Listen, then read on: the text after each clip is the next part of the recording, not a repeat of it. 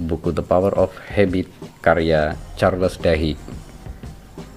Bab 4 bagian kedua.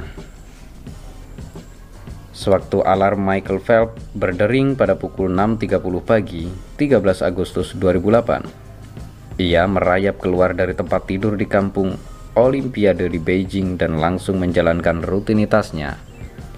Ia mengenakan celana olahraga dan berjalan ke kantin untuk sarapan. Phelps telah menenangkan tiga Phelps telah memenangkan tiga medali emas seminggu itu, sehingga total ia telah memperoleh sembilan dalam karirnya, dan akan berlomba dua kali hari itu.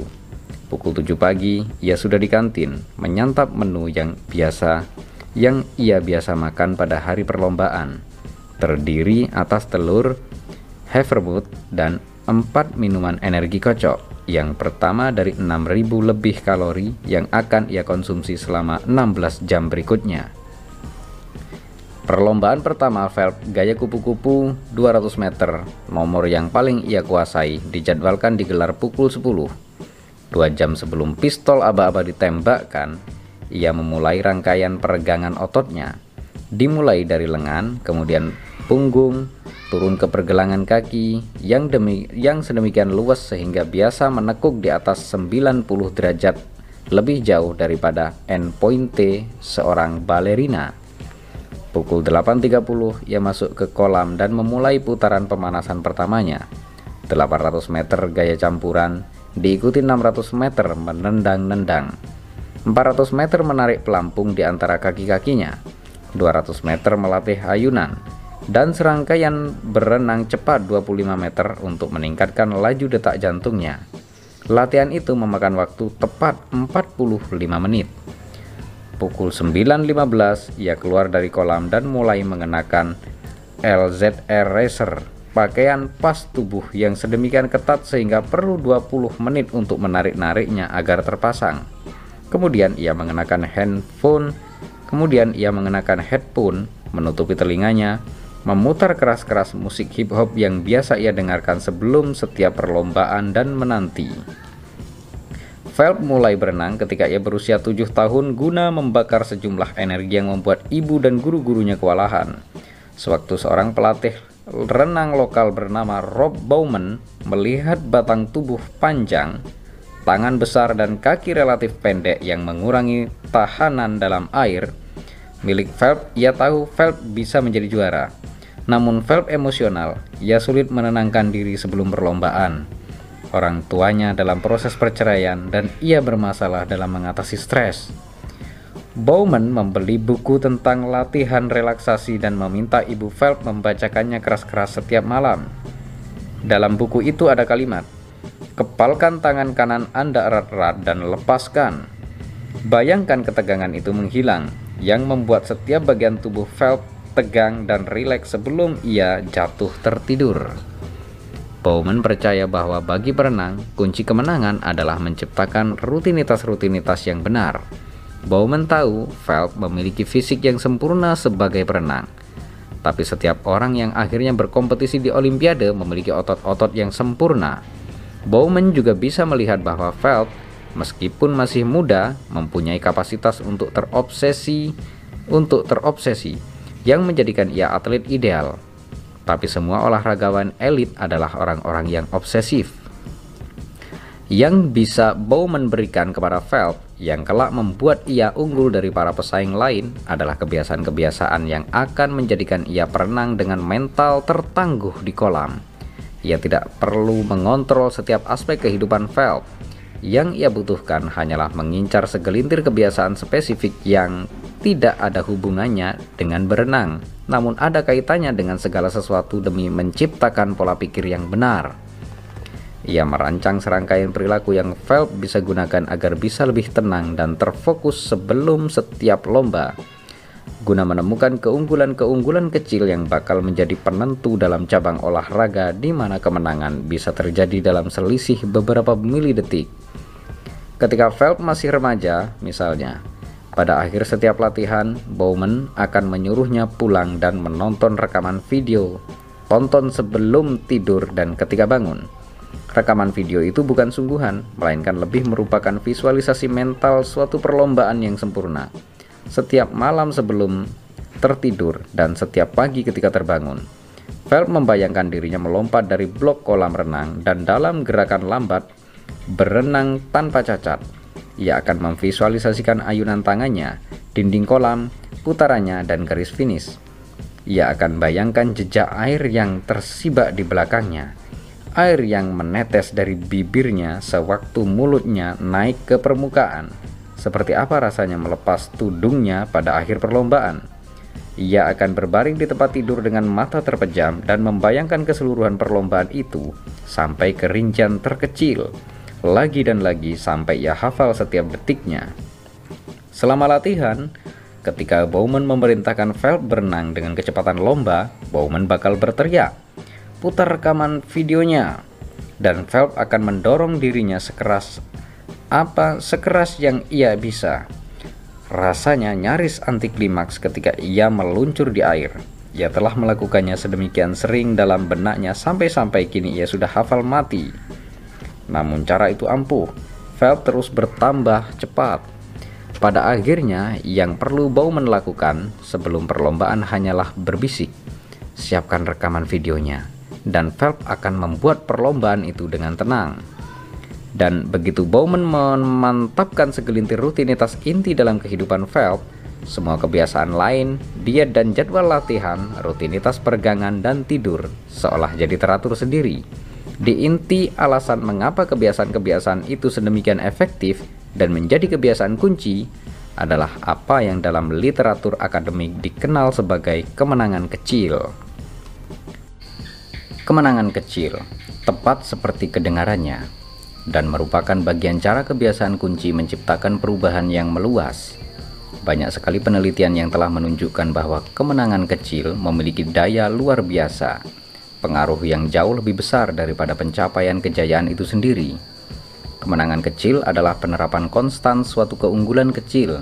Seorang profesor Cornell menulis pada 1984, begitu satu kemenangan kecil tercapai, bergeraklah kekuatan-kekuatan yang membuat kemenangan kecil lain lebih mudah tercapai. Kemenangan-kemenangan kecil mendorong perubahan-perubahan transformatif dengan mengungkit keunggulan-keunggulan kecil menjadi pola-pola yang meyakinkan orang bahwa mereka bisa meraih pencapaian yang lebih besar. Misalnya ketika organisasi-organisasi hak-hak homoseksual mulai berkampanye melawan homofobia pada 1960-an, upaya awal mereka hanya membuahkan serangkaian kegagalan, mereka mendorong dihapuskannya hukum-hukum yang digunakan untuk menyeret kaum homoseksual ke pengadilan dan kalah telak di DPR. Guru-guru mencoba menciptakan kurikulum untuk membina remaja homoseksual dan dipecat karena menyarankan agar homoseksualitas diterima. Sepertinya tujuan-tujuan lebih besar komunitas homoseksual mengakhiri diskriminasi dan pelecehan polisi, meyakinkan American Psychiatric Association agar berhenti mendefinisikan homoseksual sebagai penyakit mental tak bisa diraih. Kemudian pada awal 1970-an, gugus tugas pembebasan kaum homoseksual American Library Association memutuskan untuk fokus ke satu tujuan sederhana, meyakinkan Library of Congress untuk mengubah klasifikasi buku-buku mengenai gerakan pembebasan homoseksual dari HQ 71 471 hubungan seksual abnormal termasuk kejahatan seksual ke kategori lain yang lebih halus. Pada 1972, setelah menerima surat yang meminta perubahan klasifikasi, Library of Congress setuju membuat perubahan itu, mengklasifikasi ulang buku-buku tersebut ke satu kategori yang baru diciptakan HQ 76.5, homoseksualitas, lesbianisme, gerakan pembebasan homoseksual, gerakan homofil. Itu adalah perubahan kecil pada suatu kebiasaan institusional lama dalam menyusun buku-buku di rak, namun efeknya sungguh mengguncang.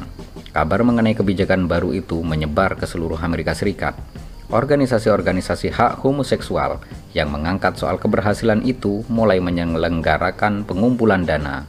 Dalam beberapa tahun, politikus-politikus yang secara terbuka mengakui mereka homoseksual mengikuti pemilihan umum di California, New York, Massachusetts, dan Oregon. Banyak di antara mereka yang mengatakan terilhami oleh keputusan Library of Congress Pada 1973, American Psychiatric Association setelah bertahun-tahun perdebatan internal mengganti definisi homoseksualitas sehingga bukan lagi dianggap gangguan mental, membuka jalan bagi tembusnya hukum-hukum negara yang meli yang mengilegalkan diskriminasi karena orientasi seksual. Dan semua itu bermula dari satu kemenangan kecil. Kemenangan-kemenangan kecil tidak berpadu dalam bentuk yang rapi, linier, dan berangkai, dengan setiap langkah sebagai langkah yang semakin mendekati suatu tujuan yang ditentukan sebelumnya. Tulis Carl Weig, seorang, seorang ahli psikologi organisasi terkemuka. Yang lebih umum terjadi adalah situasi ketika kemenangan-kemenangan kecil terpencar-pencar bagaikan percobaan-percobaan mini yang menguji teori-teori tersirat mengenai penolakan dan kesempatan dan mengungkapkan sumber daya maupun rintangan yang tak terlihat sebelum situasi itu muncul. Tepat itulah yang terjadi pada Michael Phelps ketika Bob Bowman mulai bekerja sama dengan Phelps dan ibunya dalam menggarap kebiasaan kunci berupa visualisasi dan relaksasi, Bowman maupun Phelps tak punya gagasan mengenai hal yang mereka lakukan. Kami bereksperimen mencoba-coba berbagai hal berbeda sampai kami menemukan yang ampuh. Bowman bercerita kepada saya, pada akhirnya kami menemukan bahwa paling baik untuk berkonsentrasi pada momen-momen kecil keberhasilan dan mengembangkan momen-momen itu menjadi pemicu mental. Kami garap momen-momen itu menjadi rutinitas. Ada serangkaian yang kami lakukan sebelum setiap perlombaan yang dirancang agar Michael merasa sedang membangun kemenangan. Bila Anda tanya Michael apa yang terjadi dalam benaknya sebelum perlombaan, ia akan jawab, ia tidak benar-benar memikirkan apa pun. Ia hanya mengikuti program, tapi itu tidak benar. Yang terjadi adalah kebiasaan-kebiasaan mengambil alih. Ketika tiba saatnya perlombaan, rencananya sudah berlangsung lebih daripada setengah jalan dan dia sudah menang dalam setiap langkah. Seluruh peregangan berlangsung seperti yang ia rencanakan putaran pemanasan tepat seperti yang ia visualisasikan. Headphone-nya memainkan tepat apa yang ia harapkan. Perlombaan sesungguhnya hanyalah satu langkah lain dalam pola yang telah dimulai sebelumnya pada hari itu dan hasilnya tak lain tak bukan adalah kemenangan. Menang hanyalah hasil yang wajar. Kembali ke Beijing. Pukul 9.56 pagi, 4 menit sebelum perlombaan dimulai, dan Phelps berdiri di belakang blok startnya sedikit melompat-lompat sambil berjinjit. Ketika pembaca mengumumkan, menyebutkan namanya, Phelps melangkah naik ke blok start, seperti yang selalu ia lakukan sebelum perlombaan, dan kemudian turun lagi, seperti yang ia lakukan, seperti yang ia selalu lakukan juga. Ia mengayunkan lengan-lengannya tiga kali, seperti yang ia selalu lakukan sebelum setiap pertandingan sejak ia berusia 12 tahun. Ia naik lagi ke bloknya mengambil ancang-ancang dan ketika pistol ditembakkan, melompat. Phelps tahu terjadi sesuatu yang salah begitu ia menghantam air. Ada air di dalam kacamata renangnya. Ia tidak tahu apakah air itu bocor dari atas atau bawah. Namun ketika muncul ke permukaan dan mulai berenang, ia harap kebocoran itu tidak akan terlalu parah. Tapi, pada balik arah kedua, segala sesuatu semakin kabur. Sewaktu ia mendekati balik arah ketiga dan putaran terakhir, kedua belah kacamata renangnya penuh air. Phelps tidak bisa melihat apa-apa. Tidak garis. Tidak garis di sepanjang dasar kolam, tidak tanda T hitam yang menandai dinding yang sudah dekat. Ia tidak bisa melihat berapa ayunan yang tersisa.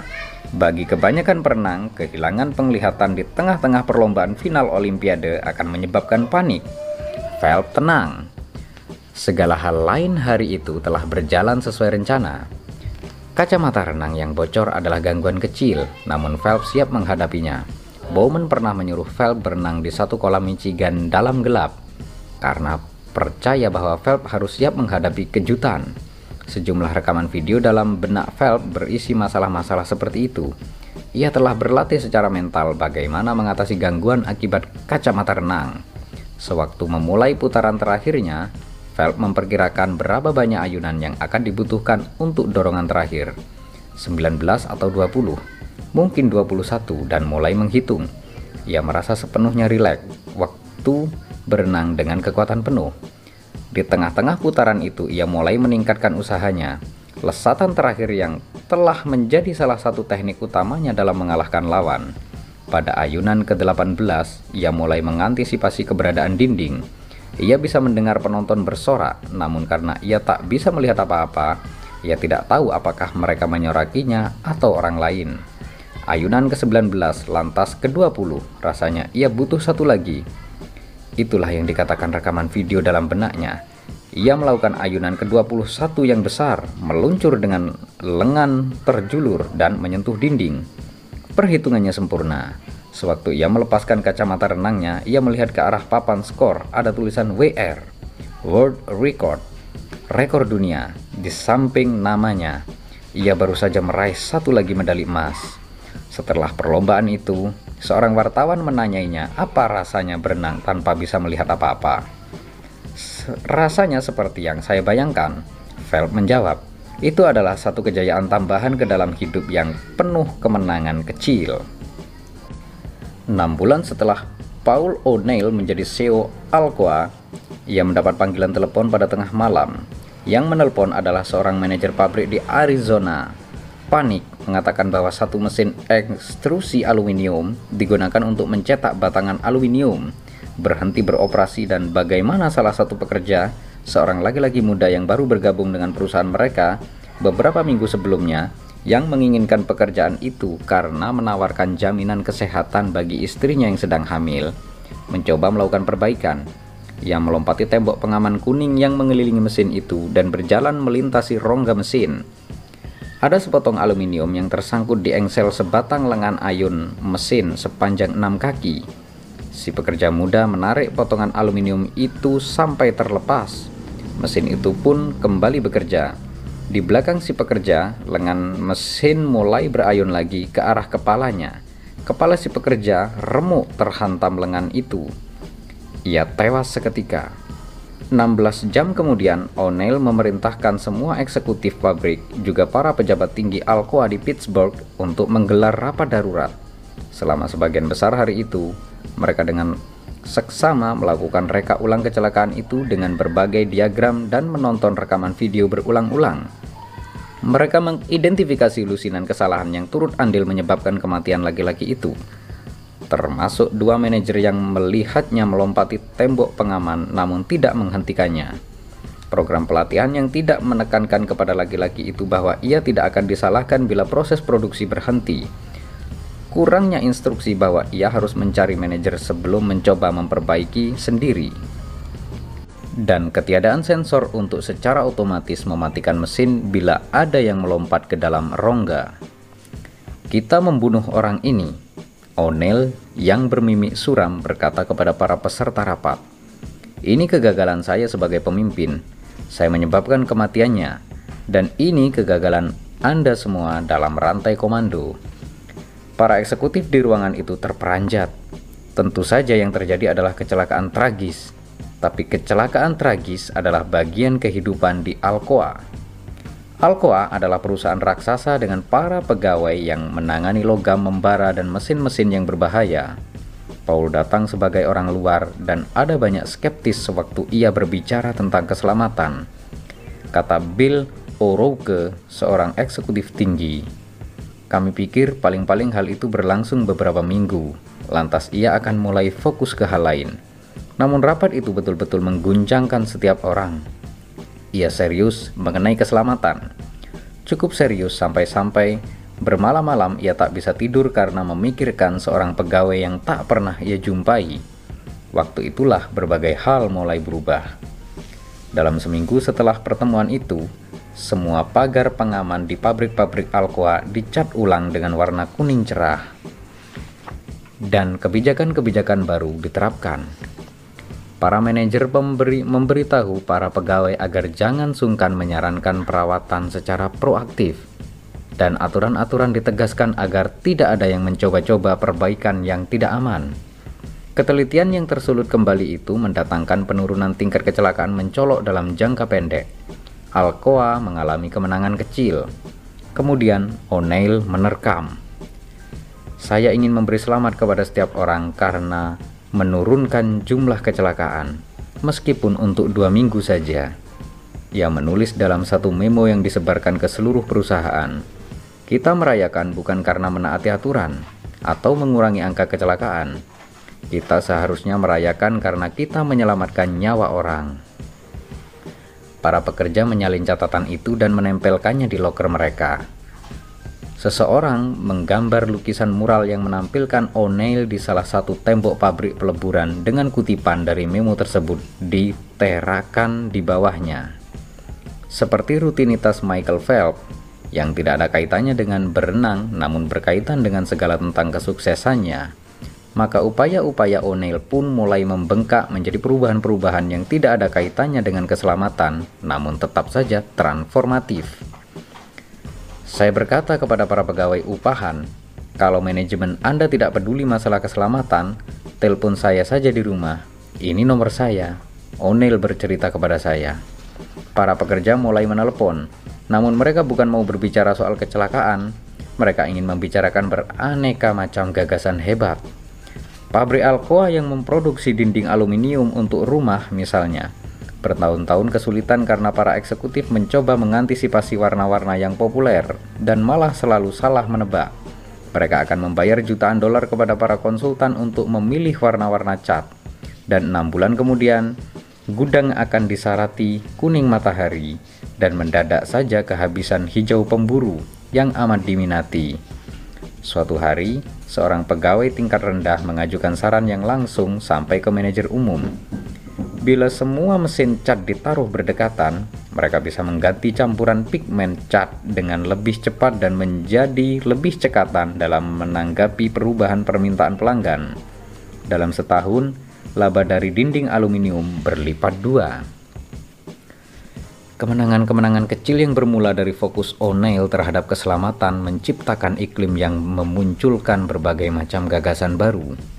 Ternyata orang itu tidak Ternyata orang itu sudah 10 tahun menyarankan gagasan cat ini, namun tak pernah memberitahu pihak manajemen. Seorang eksekutif Alcoa bercerita kepada saya. Kemudian ia berpikir karena kami terus-menerus meminta rekomendasi mengenai keselamatan, mengapa tidak beritahukan tentang gagasan lain ini? Dia seperti memberi kami nomor lotre yang menang kemudian. Terima kasih dan bersambung ke bab 4 bagian 3.